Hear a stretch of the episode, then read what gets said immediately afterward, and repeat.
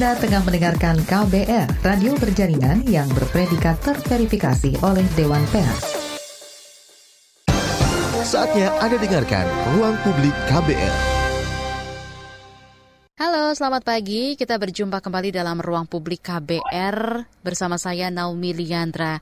Dan tema pagi hari ini adalah mewujudkan tahun politik yang inklusif apa yang harus dilakukan. Saudara, di tahun politik 2023 ini ada temuan terkait pemberitaan sejumlah media online yang dianggap cenderung diskriminatif terhadap kelompok lesbian, gay, biseksual, dan transgender. Dan tentunya ini berpotensi memperparah persekusi dan juga kekerasan terhadap LGBT. Fenomena ini menunjukkan masih ada PR besar terkait upaya menghapus stigma dan diskriminasi kepada kelompok minoritas gender dan seksual untuk memperingati Hari Internasional melawan homofobia, transfobia, dan bifobia yang jatuh pada tanggal 17 Mei, kita akan bahas upaya apa yang harus dilakukan untuk mewujudkan tahun politik yang inklusif.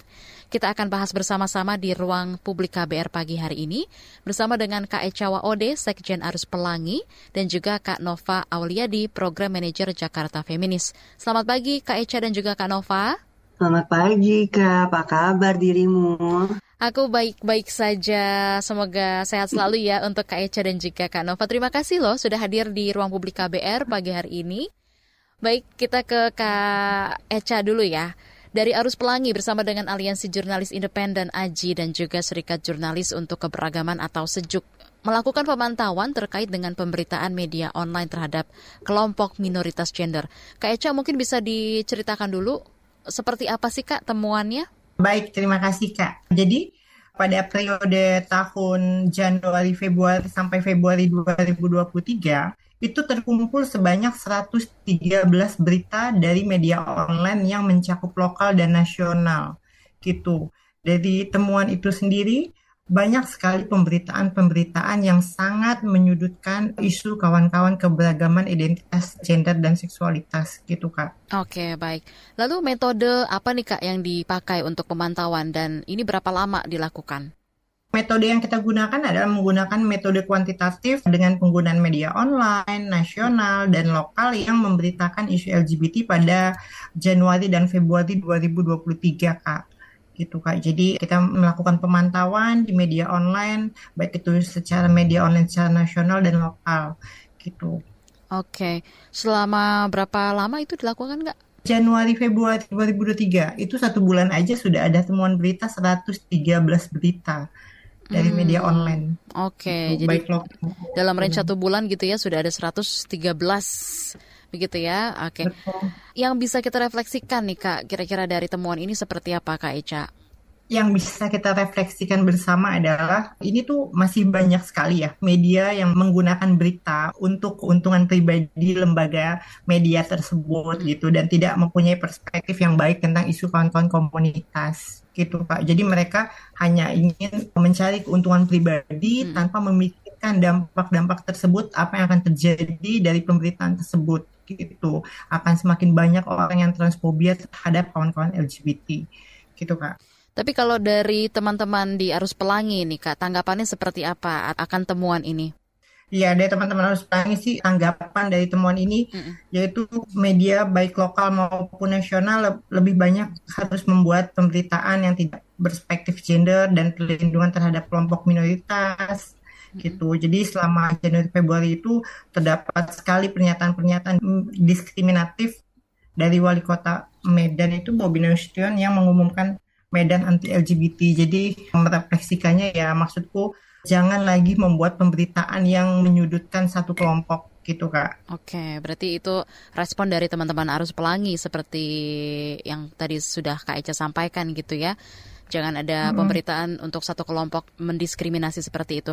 Lalu dari Kanova sendiri nih Kak, seperti apa tanggapan teman-teman di Jakarta Feminis nih Kak terhadap temuan yang sudah dilakukan, yang sudah didapatkan?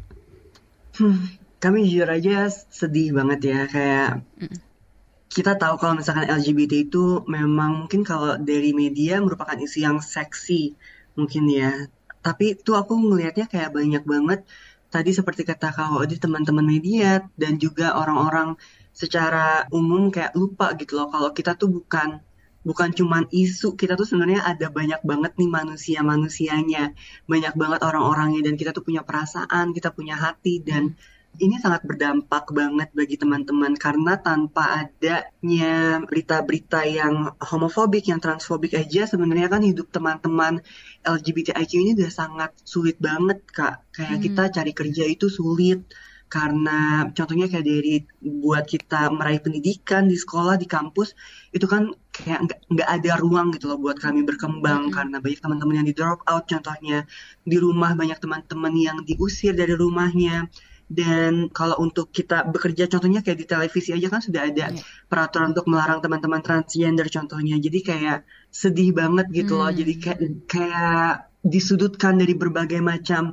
tempat. Padahal kan media ini merupakan ruang yang sangat krusial banget ya. Hmm. kayak ada ada sebuah potensi untuk merubah pemikiran masyarakat dan membenarkan stigma-stigma diskriminasi yang ada di masyarakat sekarang. Tapi malah digunakan untuk mempromosikan kayak ada beberi, ada berita yang aku sempat baca kemarin yang heboh banget hmm. mempromosikan praktik kekerasan seperti terapi konversi itu jadi bacanya ya udah mau nangis gitu hmm. gitu loh kak sedih banget karena berita-berita yang seperti ini juga ya, jadi kayak kesehatan mental teman-teman juga sangat-sangat terganggu kan. Ada datanya dari Australia LGBT Health kalau nggak salah, di situ tuh kayak teman-teman LGBT ternyata kayak lima kali mempunyai keinginan bunuh diri. Saking apa ya merasa disudutkan dari berbagai macam tempat, didiskriminasi, hmm. mendapatkan kekerasan dan lain-lain. Bahkan kayak teman-teman trans itu yeah. sampai 11 kali dibandingkan dengan populasi umum. Kayak saking saking sulitnya gitu loh hidup ini. Jadi harapannya sih media, walaupun sekarang ada banyak sekali yeah. ya iya. kayak media kayak teman-teman KBR, aku seneng banget makanya teman-teman KBR mempromosikan hal-hal baik dan juga merubah stigma, merubah diskriminasi karena itu yang seharusnya media lakukan sih menurutku karena powernya itu besar sekali untuk melakukan itu. Oke, okay, baik. Nah, temuan teman-teman ini di media online gitu ya, tapi kita tahu perlakuan diskriminatif terhadap kelompok minoritas gender dan seksual terjadi di berbagai ranah gitu ya, baik itu di dunia maya ataupun juga di kehidupan nyata gitu Kak. Nah, kalau Kak Nova sendiri melihatnya, mengapa sih Kak hal ini masih terus terjadi menurut Kak Nova seperti apa Kak? Hmm, menurutku karena simply nggak tahu dan nggak kenal sih Kak. Oke. Okay. Kayak mungkin tadi ya, banyak orang-orang tuh tahu tentang LGBTIQ itu itu dari media dari berita hmm. dan berita-berita yang bombastis pastikan ditampilinnya yang enggak-enggak yang jelek-jelek aja. Karena memang semua orang pasti ada baik buruknya ya, tapi kalau misalkan teman-teman LGBT itu kayaknya di beritanya buruk aja semuanya gitu, padahal hmm. yang baiknya juga ada. Dan aku melihat kayak teman-teman itu mungkin karena nggak ada temennya yang LGBT juga kali ya jadi kayak nggak tahu kalau teman-teman LGBTIQ itu tuh juga biasa aja sebenarnya hmm, hmm, hmm, hmm. jadi kayak nggak bisa memanusiakan teman-teman menurut aku mungkin karena tadi nggak kenal dan juga mungkin untuk berteman yeah. untuk ngobrol mungkin udah udah takut duluan karena ada banyak stigma tadi dan diskriminasi yang udah diajarkan bertahun-tahun. Dan aku mengerti sih. Aku ngerti banget. Kayak misalkan kita dari orok udah dikasih tahu yeah. oh kalau LGBT itu nanti masuk neraka. Kalau misalkan teman-teman trans itu tuh jelek-jelek lah semuanya udah diajarin dari orang tua kita dari keluarga kita. Dan untuk merubah itu kan pasti akan akan sulit sekali. Kayak nggak bisa kita ngobrol 15 menit terus teman-teman merubah itu semua. Kayak pasti ada proses unlearning ya. Proses hmm. untuk melepaskan nilai-nilai yang sudah didapatkan selama beberapa tahun tersebut. Jadi aku dapat mengerti posisi teman-teman, tapi menurutku perlu ada berarti perlu ada ruang untuk kita saling ngobrol tadi sih untuk melepas stigma-stigma dan juga ngelihat sebenarnya realnya itu kayak gimana sih sebenarnya teman-teman LGBT itu kayak gimana sih? Karena memang mungkin pada dasarnya dari kecil mereka tertanam stigma yang tadi sudah kakak sampaikan gitu ya Makanya yang dibilang tak kenal maka tak sayang itu benar banget ya Kak Nova ya. Benar banget Kak. Nah lalu seperti apa pengaruh tahun politik nih Kak terhadap perlakuan-perlakuan buruk ini menurut Kak Nova sendiri? ini nanti mungkin Kak Eca bisa lebih elaborasi lagi ya karena Kak Eca yang ngurusin banyak-banyak kasus nih. Tapi hmm. silakan. Kalau, kalau dari Kanova dulu kalau dari dari aku teman-teman banyak yang ketakutan sih ya, banyak yang ketakutan untuk jadi visible juga yeah. sebenarnya. Kalau aku sendiri memang untuk bersuara itu jadi kayak lebih hati-hati lagi karena tentu aja di pengalaman-pengalaman sebelumnya kan di pengalaman-pengalaman pada tahun politik sebelumnya kita dijadikan isu yang digunakan sebagai alat politik teman-teman politis tersebut contohnya dan aku nggak mau kayak teman-teman komunitas yang hidupnya udah udah sangat sulit sekali ini dipergunakan seperti itu mm-hmm. sih kak. Kayak gitu. Jadi kayak benar-benar apa ya lebih lebih ketakutan tentu aja. Dan juga apalagi kayak kemarin um, ada KUHP yeah. dan juga banyak sekali kebijakan-kebijakan lokal uh, di daerah-daerah yang sangat-sangat diskriminatif dan menyudutkan teman-teman LGBTIQ jadinya untuk kita hidup seperti biasa aja tuh buat tidur di kamar aja tuh kayak takut diketok gitu loh kayak takut digerebek hmm. dan untuk kita posting di media iya. sosial ya. hmm. jadi jadi parno terus gitu kak nggak merasa safe gitu ya? Nggak ngerasa safe bener banget. Sedangkan suara dari teman-teman juga dibutuhkan untuk nanti di tahun politik yang akan datang betul nggak sih? Baik, kita hmm. mungkin bisa minta tanggapan dari Kak Eca gimana menurut Kak Eca sendiri? Iya, nyambung tadi tanggapannya dari Anova. Untuk mewujudkan apa namanya memasuki tahun politik yang inklusif itu ya menurutku peran media ini tuh sangat penting gitu dalam segi pemberitaan-pemberitaan yang positif terhadap kawan-kawan LGBT gitu. Nah, maka dari itu sangat perlu banget media ini memperhatikan diksi berita perlibatan narasumber, perlibatan narasumber yang berimbang dalam pemberitaan, termasuk melibatkan narasumber dari kawan-kawan LGBT, gitu.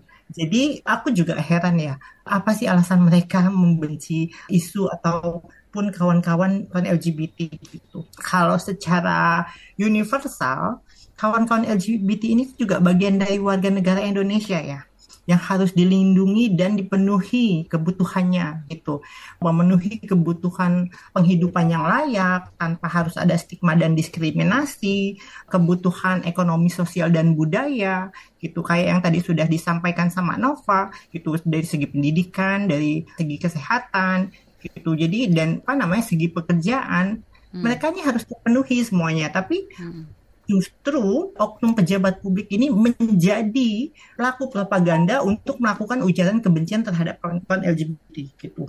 Nah, ini kan menjadi PR banget ya buat kami yang masih terus memperjuangkan hak kita sebagai warga negara gitu. Tadi seperti Kak Naomi bilang, mm -mm. ya suara kita dibutuhkan loh di tahun politik gitu. Hmm. Kita terdata loh di dinas dukcapil, data kita terdaftar loh sebagai warga negara gitu. Kita punya hak suara gitu.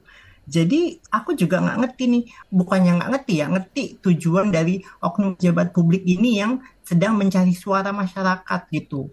Nah, sedangkan masyarakat Indonesia itu kan gampang terprovokasi ya cuma baca judul berita aja langsung wah langsung membara tuh semakin membenci terhadap isu kawan-kawan gitu tanpa harus tahu makna dan uh, isi dari dalam berita tersebut gitu Baik. kak.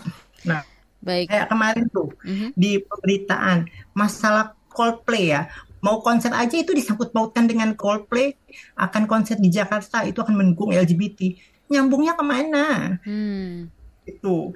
Ada aja pemberitaan yang yang ada statementnya MUI yeah. itu itu yang kayak ini orang dapat berita dari mana sih? Buat berita Coldplay akan konser di Indonesia itu sebagai bentuk dukungan terhadap LGBT lah itu maksudku jangan hal-hal yang nggak ada sangkut pautnya disangkut-sangkutkan hanya ingin mencari suara dari publik gitu Mm-hmm. Baik Kak Eca dan juga Kak Nova, kita nanti akan lanjutkan kembali obrolan kita di pagi hari ini di ruang publik KBR dengan tema yaitu mewujudkan tahun politik yang inklusif, apa yang harus dilakukan. Tetaplah untuk Anda di ruang publik KBR. Masih Anda dengarkan ruang publik KBR. Commercial break. Commercial break.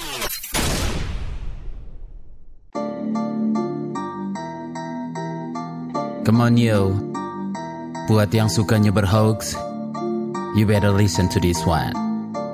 Check this one out yo. Hati-hati kalau baca kabar Hoax, Jangan langsung disebar kabar yang hoax, Kalau mau tahu kabar benar atau hoax, Dengerin cek fakta yang pasti bukan hoax, Dengerinnya setiap Senin yang jelas bukan Hoax. Cuma ada di kbrprime.id. Dan aplikasi podcast lainnya hoax, Sudah cukup-cukup hoaxnya? Hoax. Cukup Jaga emosi, tahan jari, verifikasi sebelum dibagi. Saya Aribo Sasmito, Ketua Komite Pemeriksa Fakta Mafindo. KBR Prime, podcast for curious mind. Masih Anda dengarkan Ruang Publik KBR. Anda masih menyimak ruang publik KBR dengan tema mewujudkan tahun politik yang inklusif, apa yang harus dilakukan. Kita masih berbincang bersama dengan Kak Eca, Sekjen Arus Pelangi, dan juga Kak Nova, Program Manager Jakarta Feminis. Baik, kita ke Kak Eca dan juga ke Kak Nova ya. Bagaimana nih Kak cara memperingati Hari Internasional melawan homofobia, transfobia, dan bifobia di tahun politik ini? Dari Kak Nova dulu silakan. Cara memperingati Hari Internasional melawan homofobia, transfobia, dan bifobia itu tentu saja dengan cara melawan ya, melawan hal-hal ini, melawan kebencian-kebencian ini dari berbagai macam perilaku dan dari berbagai macam hal yang bisa kita lihat sih. Kan sebenarnya dimulai dari menurutku yang paling penting dari gerakan ini juga teman-teman sekutu kan teman-teman ally seperti teman-teman kayak media teman-teman organisasi-organisasi dengan isu-isu lainnya itu juga sangat-sangat penting banget untuk melawan homofobia, transfobia dan bifobia ini. Jadi seperti contohnya pada saat tadi kata Kak Eca ada banyak banget berita-berita tentang LGBTIQ yang sepertinya sangat-sangat diskriminatif itu mungkin kita bisa bilang kayak sesama jurnalis untuk mengasih tahu kalau misalkan oh ternyata nggak nggak kayak gitu ya. Atau misalkan kita bisa ngasih um, narasumber yang dari teman-teman LGBT karena kita tuh nggak menolak loh untuk ditanya-tanya contohnya di di media-media. Tapi sayangnya kalau ditanya-tanya juga kadang di diputer-puter ya kayak Eca ya kayak gitu. Jadi menurutku teman-teman LGBTIQ-nya sendiri itu perlawanannya sudah sudah sangat besar banget. Kayak kita bisa hidup sampai sekarang aja itu karena kita melawan homofobia, transfobia, dan bifobia. Tadi ya dari kebencian-kebencian yang datang bahkan dari keluarga kita sendiri, dari teman-teman kita sendiri, dari guru kita dan lain-lain. Dan menurutku sekarang di Hari Internasional melawan homofobia, transfobia, dan bifobia ini, aku mau kasih tanggung jawab ini kepada teman-teman ally, kepada teman-teman sekutu, kepada teman-teman media, kepada teman-teman politisi contohnya untuk membantu juga melawan juga homofobia karena kalau cuman kita doang yang melawan homofobia, transfobia dan bifobia ini sangat sulit sekali kak. Karena kita juga nggak banyak kan ya kak. Namanya juga kelompok minoritas jadi kita perlu sekali dukungan dari teman-teman semua sebenarnya untuk melawan. Oke, baik. Tanggapan dari Kak Eca mungkin bisa ditambahkan? Iya, yang pertama aku aku tuh apresiasi kepada teman-teman yang sampai detik ini masih kuat berdiri di garda terdepan memperjuangkan kesetaraan dan keadilan untuk kita memperjuangkan itu dan aku juga apa namanya apresiasi buat diriku sendiri yang masih bertahan hingga detik ini di tengah gempuran negara yang sedang tidak baik-baik saja yang begitu sebencinya terhadap isu kawan-kawan LGBT gitu. Nah, langkah ini aku lakukan ya apa ya untuk saling menguatkan satu sama lain gitu. Kalau kita berjuang sendiri itu kita tidak akan mampu, maka kita butuh support dari teman-teman dari allies gitu untuk kita terus sama-sama memperjuangkan hak kita sebagai warga negara gitu tanpa harus melihat identitas gender dan orientasi seksual seseorang gitu. Ya, jadi menurutku ya dikesampingkan dulu untuk membenci isu kawan-kawan LGBT, tapi lihat kami sebagai manusia gitu. Baik. Dan kami sebagai manusia yang punya hak yang sama dengan yang lain gitu. Karena HAM itu tidak bisa dikurangi dan tidak bisa dibagi ataupun dihilangkan hanya karena identitas dia bagian dari komunitas LGBT gitu. Karena kita juga uh, aku aku sendiri jujur aku bangga menjadi bagian seorang LGBT karena aku apa ya aku menerima diriku dan aku juga merdeka atas tubuhku sendiri gitu tanpa harus orang lain menghujat membenci ataupun tidak ada uh, tidak ada hak orang lain untuk membenci aku hanya karena orientasi dan gender aku kayak gitu kak. Baik kak Eca, thank you. Nah kalau kak Nova nih, menurut kak Nova gimana sih kak cara supaya tahun politik ini teman-teman dari kelompok minoritas gender juga pada akhirnya bisa ikut aktif dalam dan juga memilih tanpa harus merasa nggak nyaman atau terancam gitu ya. Tadi kan sempat Kak Nova bilang gitu kan untuk stay aja, untuk tinggal aja kadang merasa tidak nyaman, tidak merasa aman gitu kan. Nah, untuk mewujudkan tahun politik ini baik menurut Kak Nova sendiri seperti apa nih Kak? Oke, ini memang menjadi isu ya setiap kali kita setiap kali ada tahun politik ini gimana caranya biar teman-teman itu ini kan hak sebenarnya ya yep. untuk memilih itu adalah hak kami sebagai warga negara. Dan ini nggak bisa dilepaskan. Tapi memang sangat sulit banget sebenarnya. Kayak beberapa teman LGBTIQ aja kan diusir dari rumah contohnya dan um, baru punya KTP akhir-akhir ini karena dibantu uh, diperjuangkan oleh teman-teman LGBTIQ lainnya seperti um, Kak Eca yang um, ngebantuin banget teman-teman supaya punya KTP agar bisa memilih agar supaya hak-haknya sebagai warga negara itu bisa ada gitu loh bisa bisa dilakukan. Tapi biar kayak sampai di di tempat untuk milihnya aja kayak kadang kan kayak yeah. diliatin sama semua orang itu nggak nyaman banget harusnya memang hmm. pertama um, panitia itu ada ada kebijakan untuk melindungi teman-teman yang beragam karena sebenarnya yang merasa seperti ini mungkin bukan kita aja ya tapi teman-teman beragam dari uh, minoritas agama lain mungkin juga merasa seperti itu dan lain-lain dan tentu aja gimana nih caranya biar kita bisa terinformasi dari calon-calon ini sebenarnya mana sih yang inklusif, mana sih yang um, enggak enggak anti sama LGBT dan enggak mau memenjarakan kami contohnya. Hmm. Kayak kadang tuh sulitnya seperti itu. Gimana caranya kita memilih dari tiga pilihan contohnya yang ternyata homofobik dan transfobik semua ternyata kalau dilihat-lihat.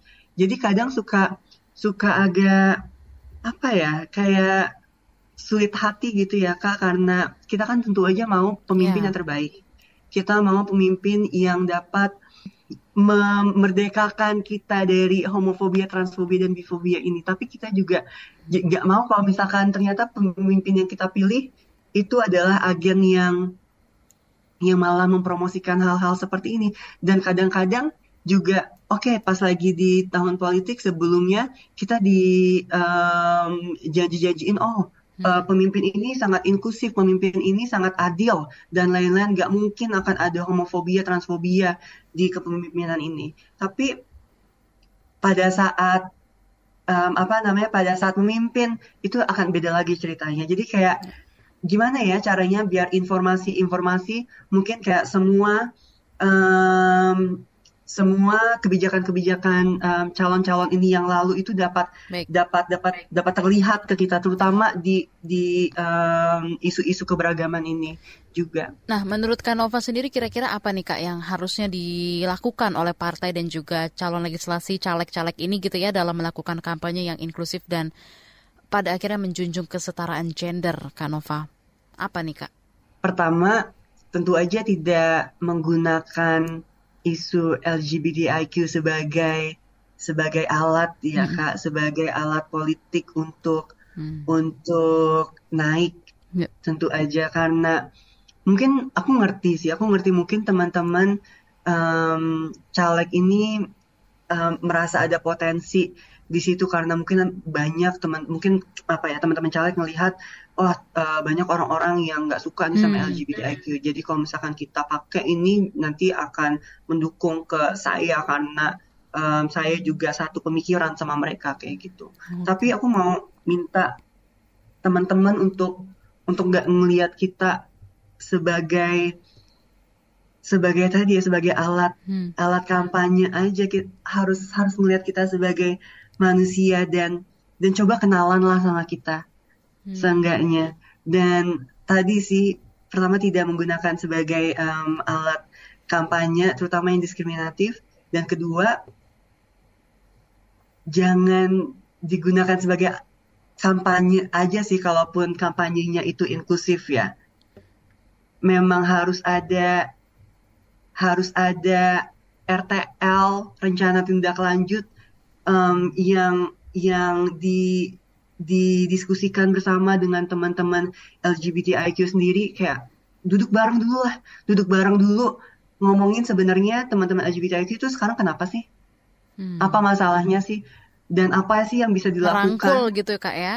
Merangkul, iya karena ada banyak banget loh yang bisa dilakukan sama teman-teman yang ada di posisi yang punya kuasa itu tinggi banget itu cuman tinggal ngomong doang bisa langsung um, lebih lebih apa ya lebih baik kayaknya kehidupan dari beberapa teman kayak waktu itu um, KTP untuk teman-teman trans contohnya itu hmm. itu kan sesuatu hal yang sebenarnya mudah mungkin ya untuk teman-teman pemimpin untuk um, apa namanya melakukan hal tersebut tapi itu sangat berarti banget gitu ke teman-teman LGBTIQ dan semoga bisa ada hal-hal seperti itu lagi sih. Baik Kak Eca dan juga Kak Nova, kita akan dengarkan pesan-pesan berikut ini untuk Anda pendengar, tetaplah di ruang publik KBR. Kita masih ngobrol bersama dengan Kak dari uh, Arus Pelangi dan juga Kak Nova dari Jakarta Feminis dengan tema kita di ruang publik yaitu mewujudkan tahun politik yang inklusif, apa yang harus dilakukan. Tetaplah di ruang publik KBR. Masih Anda dengarkan Ruang Publik KBR. Yuk follow social media KBR. Twitter at Berita KBR, Instagram at KBR.id, Youtube Berita KBR. Masih Anda dengarkan Ruang Publik KBR. Terima kasih untuk Anda yang masih setia mendengarkan Ruang Publik KBR hari ini dengan tema yaitu mewujudkan tahun politik yang inklusif, apa yang harus dilakukan. Bersama dengan Kak Eca Waode, Sekjen Arus Pelangi, dan Kak Nova Oliadi, Program Manager Jakarta Feminis. Ya, KUHP sudah disahkan akhir tahun lalu, namun masih ada juga beberapa pasal yang dianggap kontroversial nih dan gak memihak masyarakat seperti kelompok minoritas gender. Selain itu, juga ada peraturan daerah perda yang membuat kelompok minoritas gender ini pada akhirnya semakin rentan. Nah, Kak Eca dan juga Kak Nova, bagaimana Anda melihat aturan dan kebijakan dari pemerintah ini? Dari Kak Eca dulu, silakan. Kalau aku lihat ya, dengan disahkannya KUHP ini ya. bukan cuma kelompok minoritas gender saja yang terdampak, tapi masyarakat umum juga terdampak karena ada beberapa pasal yang mengkriminalisasi uh, masyarakat dan juga kawan-kawan minoritas gender hmm. gitu. Uh, ini semakin uh, apa ya memancing hidupnya hukum yang uh, hidup di tengah masyarakat gitu. Jadi ada KUHP jadi masyarakat dengan mudah akan mengkriminalisasi mengkriminalisasi kawan-kawan komunitas gitu. Mm-hmm. Secara tidak langsung jika masyarakat melakukan kekerasan, negara harusnya uh, apa namanya melindungi tetapi ini kayak seperti mengamini hmm. gitu apa yang dilakukan tindakan-tindakan kekerasan oleh masyarakat gitu. Jadi uh, KUHP ini perda-perda ini membungkam Eh, suara-suara uh, masyarakat dan juga um, teman-teman minoritas gender gitu. Nah, jadi kita tidak boleh mengkritik, uh, kita tidak boleh berekspresi sesuai identitas senyamannya kawan-kawan gitu. Jadi kayak yang uh, apa ya menyambung omongan Nova tadi, yeah.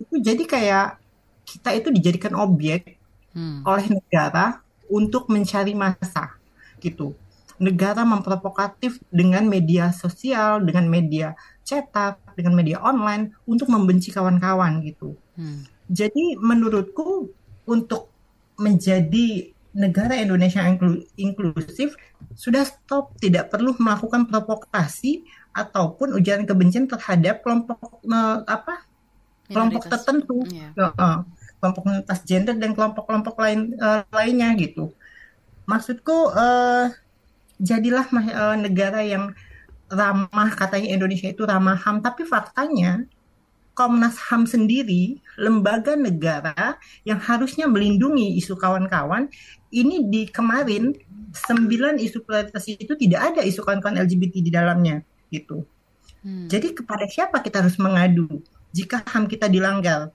Jika lembaga negara sendiri tidak mengakui gitu adanya kelompok uh, eh, LGBT di Indonesia ini gitu.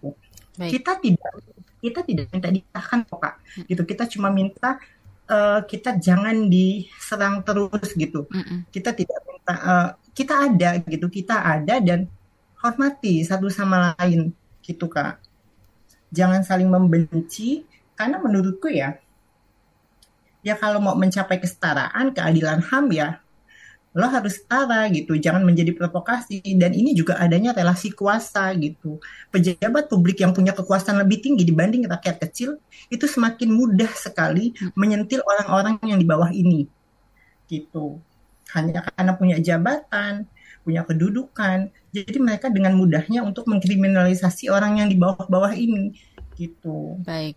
Ah dari Kanova gimana nih menurut Kanova Mungkin ada tambahan dari yang tadi sudah disampaikan oleh Kak Eca?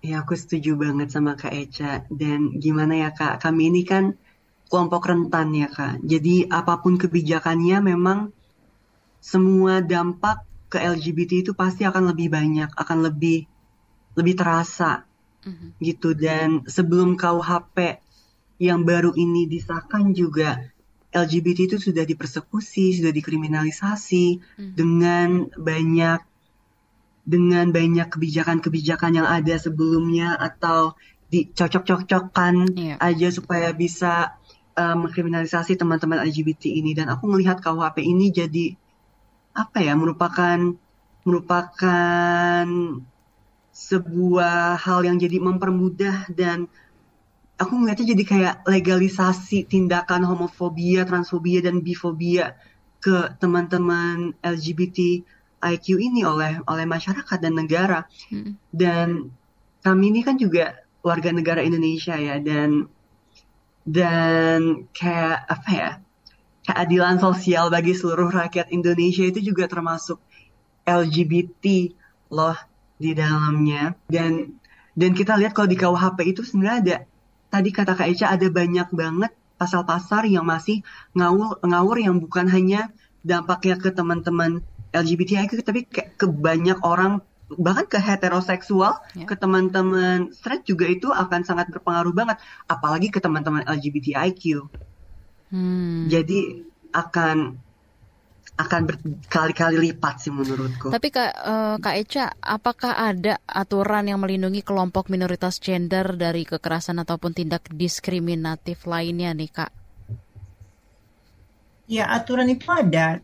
Aturan itu berbunyi di dalam Undang-Undang uh, Negara 1945 gitu. Mm -hmm. Setiap warga negara kan berhak dilindungi, siapa pun itu tanpa harus melihat identitas gender dan orientasi seksualnya. Lihat dia sebagai manusia gitu dan yeah. itu sudah tertulis di undang-undang dasar. Nah, kenapa negara justru lalai dan mengabaikan itu gitu? Hmm, implementasiannya uh, tidak dilakukan gitu ya, Kak ya? berbeda dari isi undang-undang tersebut gitu. Kalau dia bis, uh, bicara keberagaman, ya ini beragam bukan dari budaya tapi dari orientasi seksual juga itu beragam identitas gender itu beragam gitu jadi menurutku ya kalau bisa beragam kenapa harus seragam? Gitu. Dalam arti kita hidup beragam. Kenapa yeah. harus seragam? Harus ikutin satu pemikiran seseorang gitu. Kan kita menghargai keberagaman. Dan betul tadi kata Sinova kita hmm. hidup berdasarkan Pancasila gitu. Yeah. ada lima butir isi Pancasila tapi itu uh, menurutku tidak diimplementasikan. Satu sampai lima itu hanya beberapa mungkin yang diimplementasikan gitu. Jadi uh, menurutku ya negara ini lalai dalam melindungi hak warga negaranya itu hanya karena lihat perbedaan identitas dan orientasi sehingga kita dikurangi ham kita. Yang nggak bisa hmm. seperti itu itu kak. Baik. Baik kak Eca dan juga kak Nova. Kalau bisa beragam kenapa harus ragam gitu ya? Tadi kak Eca oh. menyampaikan seperti itu Nah, kalau dari Jakarta Feminis sendiri nih Kak Nova, gimana uh, pendampingan terhadap teman-teman komunitas dan juga masyarakat secara luas? Seperti apa nih Kak pendekatan yang sudah dilakukan? Mungkin bisa di-share di sini di ruang publik? Oke. Nah, kalau yang sering melakukan pendampingan ke teman-teman komunitas itu sebenarnya Kak Eca. Mm-hmm. Tapi kalau dari Jakarta Feminis sendiri, kita ada carilayanan.com. Um, di situ ada uh, lebih dari 110 lembaga layanan um, untuk kekerasan berbasis gender dan seksual, um, termasuk juga untuk kekerasan kekerasan kekerasan berbasis sogesi ya. Mm-hmm. Dan fokus kami itu lebih ke lembaga layanannya sih.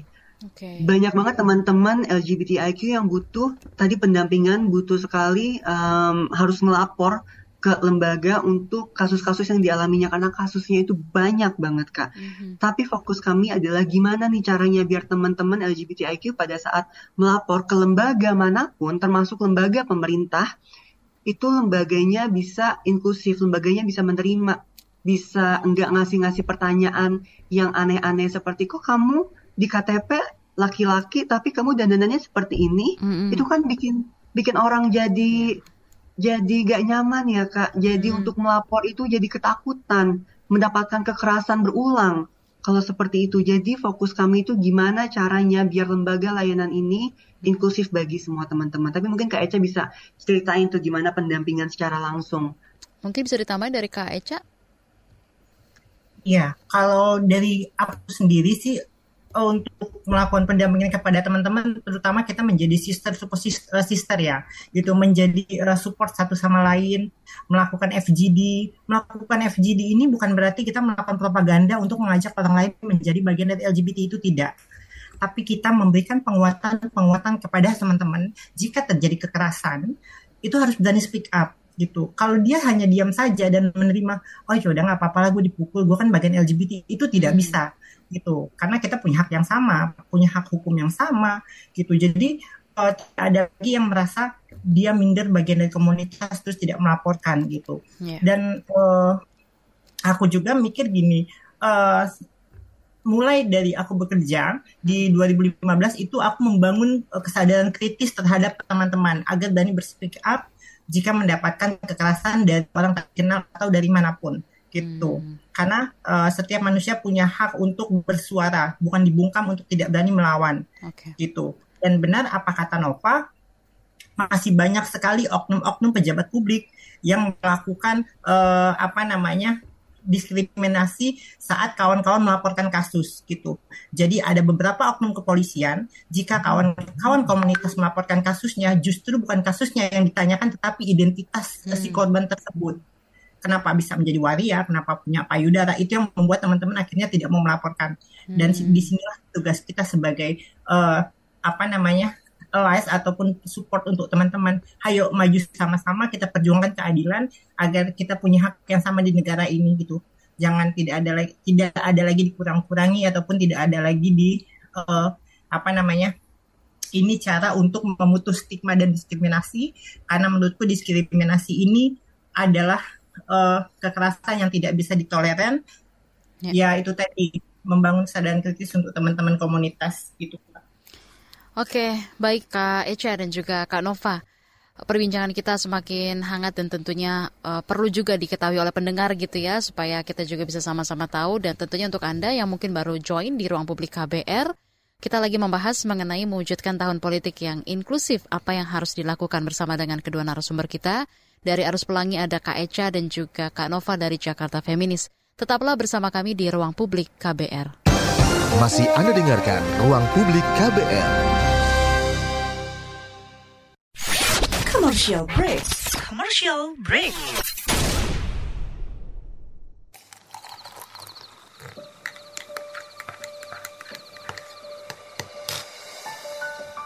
Hai, kamu apa kabar?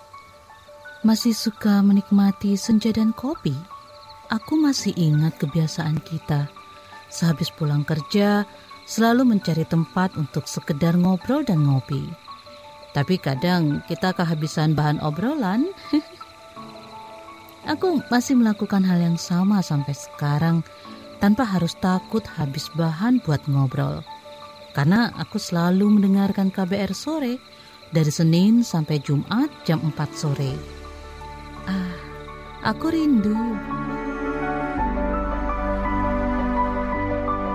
KBR Inspiratif Terpercaya. Masih Anda dengarkan Ruang Publik KBR. Baik, kita ke Kak Nova. Kak Nova dan juga Kak Eca ya, kita masih bahas mengenai topik kita di pagi hari ini, yaitu mewujudkan tahun politik yang inklusif apa yang harus dilakukan. Nah, teman-teman kan sudah melakukan berbagai upaya gitu ya, edukasi dan juga tentunya sosialisasi yang tujuannya menghapus stigma dan juga diskriminasi terhadap teman-teman minoritas gender dan seksual. Mungkin bisa diceritakan seperti apa sih Kak Nova strategi yang dilakukan gitu? Oke, jadi memang untuk edukasi menghapus stigma diskriminasi ini sangat-sangat sulit sekali ya karena tadi kita sudah belajar ini tuh diajarin dari berbagai macam orang dari dari kita orang udah dikasih tahu tadi kata aku juga hmm. itu berbelas-belas tahun berpuluh-puluh tahun. Dan untuk melepaskan itu semua itu sangat sulit banget. Jadi kayak perlu proses perlu waktu. Kayak teman-teman LGBTIQ-nya sendiri aja sebenarnya itu perlu waktu untuk menerima dirinya sendiri. Perlu waktu untuk melepaskan tadi nilai-nilai yang dikasih tahu dari keluarga dari sekolah gitu-gitu hmm. itu perlu waktu gitu apalagi teman-teman yang bukan bagian dari komunitas ya hmm. jadi memang strategi kita tadi itu ya learning dan unlearning jadi kita belajar hal-hal baru tapi kita juga belajar untuk melepaskan nilai-nilai dan hal-hal yang sudah kita stigma-stigma diskriminasi yang sudah kita dapatkan sebelumnya dari dari orang-orang yang sebenarnya nggak benar juga stigma-stigma tersebut hmm. karena ini kan yang yang kita dengar dari dari dulu kan adalah kata kalau kata temanku sih kalau kata orang tua aku sih gitu itu kan kata ini kata itu kata ini kata itu yeah.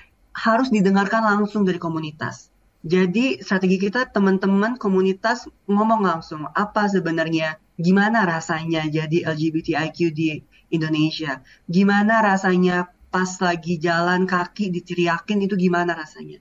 Gimana rasanya pada saat sekolah ternyata harus di drop out karena nggak boleh pakai baju yang kita mau karena nggak boleh mengekspresikan diri kita sebagai diri kita sendiri. Itu gimana rasanya kayak gitu?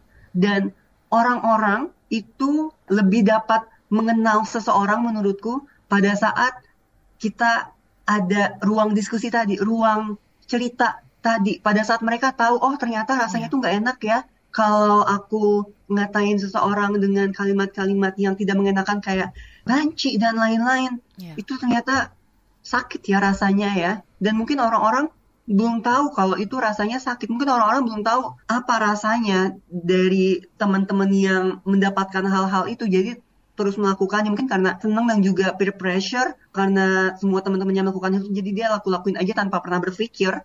Jadi kita memberikan ruang untuk berpikir, kita memberikan ruang untuk mendengarkan.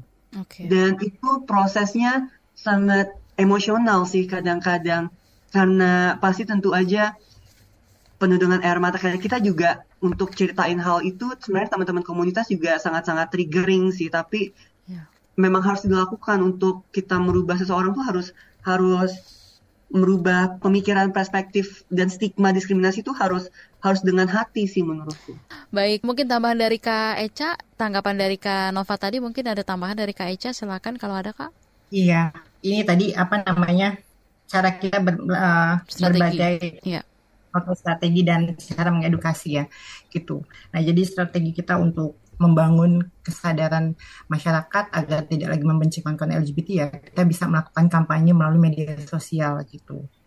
Tapi kita sih tetap berusaha ya walaupun kita berkampanye lewat sosial media pun masih banyak sekali yang menghujat dan menurutku ya kita tidak memaksa orang untuk menyukai kita tapi setidaknya kita sudah melakukan upaya-upaya untuk meminimalisir stigma dan diskriminasi tersebut gitu. Semoga aja sih aparat pejabat publik, pejabat-pejabat negara ini tuh mendengar gitu. Perjuangan kita tuh panjang banget untuk sampai di titik kesetaraan ini gitu. Okay. Jadi menurutku dengan cara mengedukasi melalui sosial media, melalui FGD dari hotspot hmm. ke hotspot lain, saling support satu sama lain dan juga kita FGD itu kadang melibatkan masyarakat sekitar gitu agar dia paham tidak lagi membenci orang di lingkungan mereka yang berorientasi dan beridentitas gender yang berbeda gitu kan. Baik Kak Echa. Nah, kita ke Kak Nova lagi. Kak Nova, apa sih yang harus dilakukan oleh negara dan juga masyarakat untuk menghapus tindakan-tindakan diskriminatif terhadap kelompok minoritas gender terutama di tahun politik ini? Oke, ini memang tanggung jawab negara sebenarnya ya untuk memastikan bahwa tidak ada rakyatnya yang mendapatkan diskriminasi, tidak ada rakyatnya yang mendapatkan perlakuan yang tidak adil. Jadi sebagainya negara yang memang harusnya membuat kebijakan sih menurutku.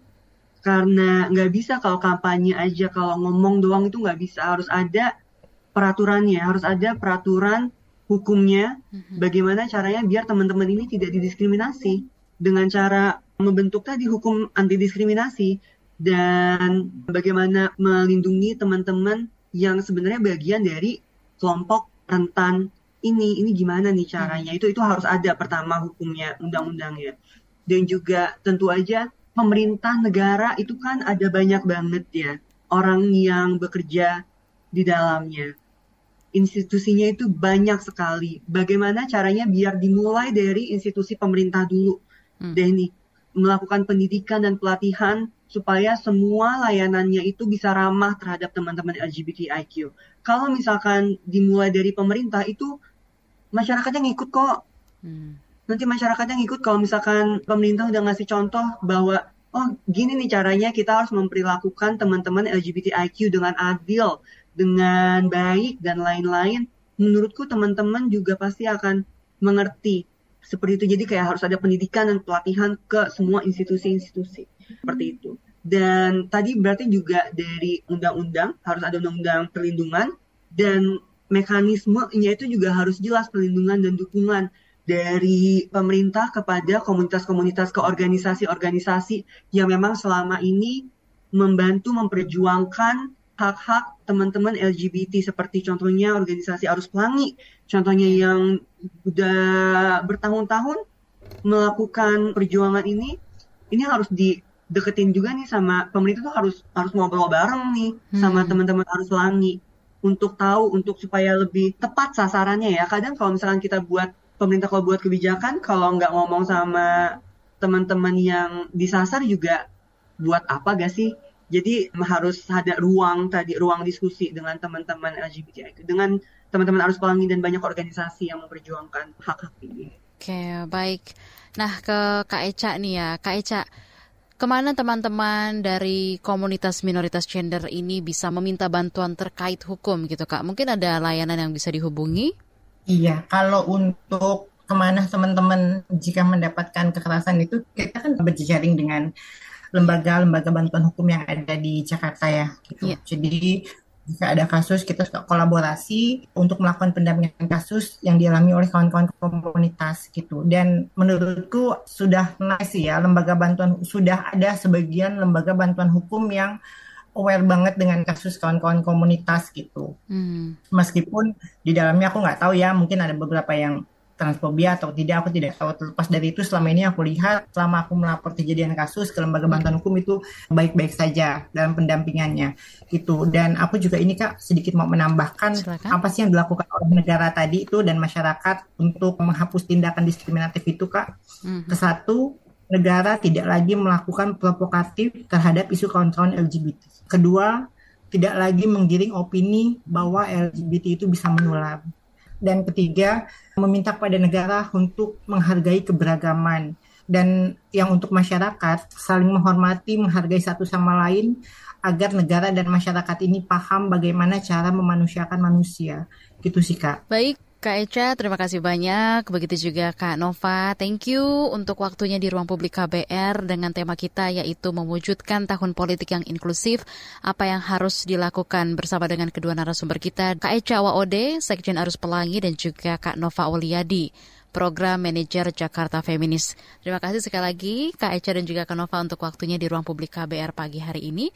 Dan demikian Ruang Publik KBR dengan tema kita yaitu mewujudkan tahun politik yang inklusif apa yang harus dilakukan. Untuk Anda juga pendengar, terima kasih sudah menyimak Ruang Publik KBR edisi pagi hari ini bersama saya Naomi Liandra. Saya undur diri, pamit, sampai jumpa. Baru saja Anda dengarkan Ruang Publik KBR. KBR Prime, cara asik mendengar berita. KBR Prime, podcast for curious mind.